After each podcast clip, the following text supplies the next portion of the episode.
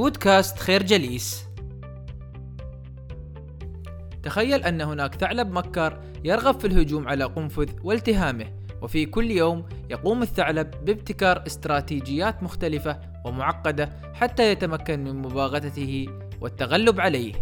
فتارة يدور حول جحره وينتظر خروجه ليهجم عليه وتارة أخرى ينتظره في منعطف معين وفي المقابل يكون ردة فعل القنفذ الوحيدة عندما يشعر بالخوف هو أن يلتف على نفسه ويكون كرة من المسامير الحادة في كل الاتجاهات وبالتالي يفشل هجوم الثعلب ويعود إلى جحره ليخطط لهجوم آخر. وجدت جميع الشركات التي تحولت من جيد إلى عظيم مفهوم القنفذ الخاص بها عن طريق إدراك عميق لتقاطع ثلاث دوائر وهي أولا ما يمكنك أن تكون الأفضل في العالم فيه. ثانيا ما يقود محركك الاقتصادي. ثالثا ما تشعر بشغف عميق اتجاهه. وبالتالي كانت كل قرارات الشركات مطابقة مع مفهوم القنفذ الخاص بها. كمثال لذلك دعونا نلقي نظرة على شركة ويلز فارغو والتي تعمل في القطاع المصرفي. قررت الشركة أن تطبق مفهوم القنفذ عندما قامت الحكومة الأمريكية بتخفيف القيود على البنوك. فقام الرئيس التنفيذي كار ريكارت بسؤال الأسئلة الثلاثة وبتنحية غرورهم جانبا.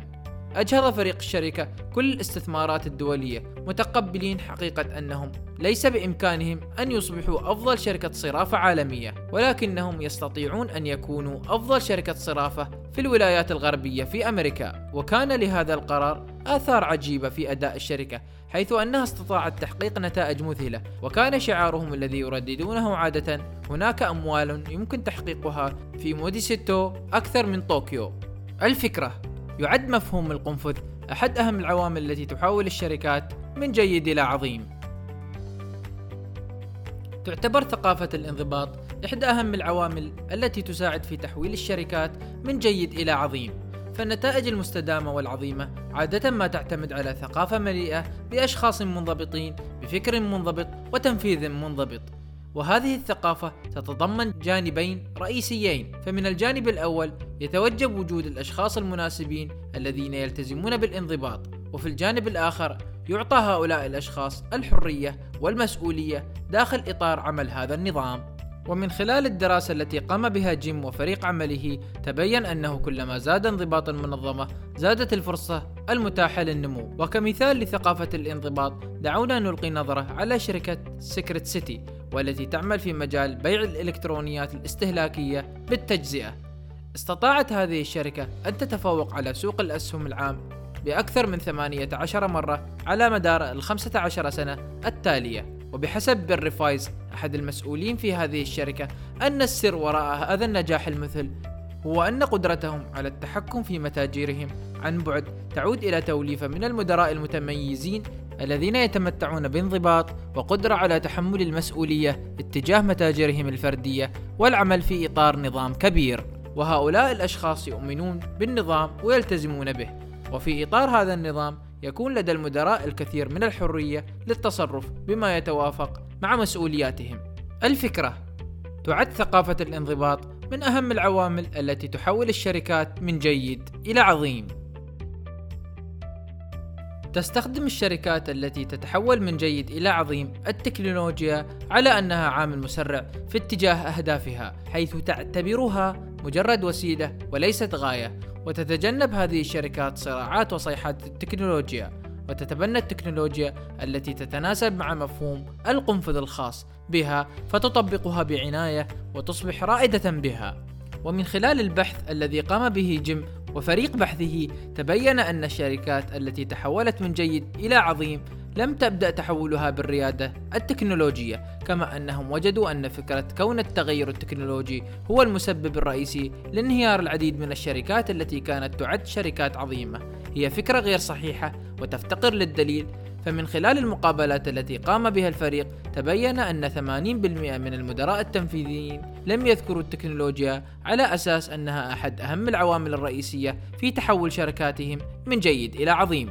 فمثلا عندما ظهرت تكنولوجيا البيع من خلال الإنترنت قررت الكثير من الشركات تبني هذه التكنولوجيا بسرعة وبدون دراسة. أما شركة ويلجرينز التي تعمل في المجال الصيدلي فقد قررت التأني بدلا من إبداء رد فعل متهور وحاولت الربط بين مفهوم القنفذ الخاص بها الذي يتمثل في راحة العميل والحصول على تدفق مالي من كل زيارة له. لذلك قررت البحث عن كيفية ربط الإنترنت مباشرة بنموذج الجرد والتوزيع الخاص بها فأصبح العميل بإمكانه أن يملأ الوصفة الطبية على الإنترنت ويتوجه لأي فرع من فروع الصيدلية ليحصل على الأدوية وهو في السيارة كما أعطت الخيار لتوصيل الأدوية مباشرة إلى منزل العميل وبسرعة قياسية وبالتالي استطاعت استخدام التكنولوجيا كعامل مسرع لها.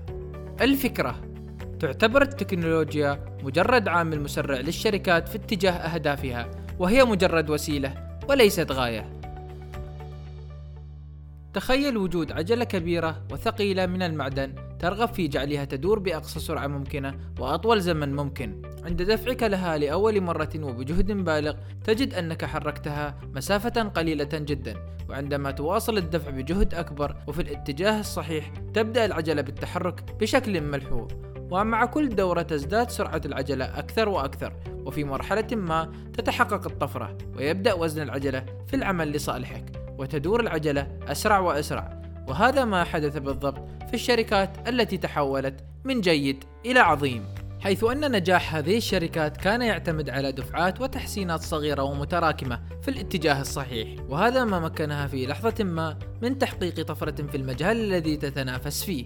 وخير مثال لنا هو ما حدث لشركة Nucor والتي بدأت في تدوير العجلة عام 1965 حيث كانت في تلك اللحظة تحاول تجنب الوقوع في الإفلاس.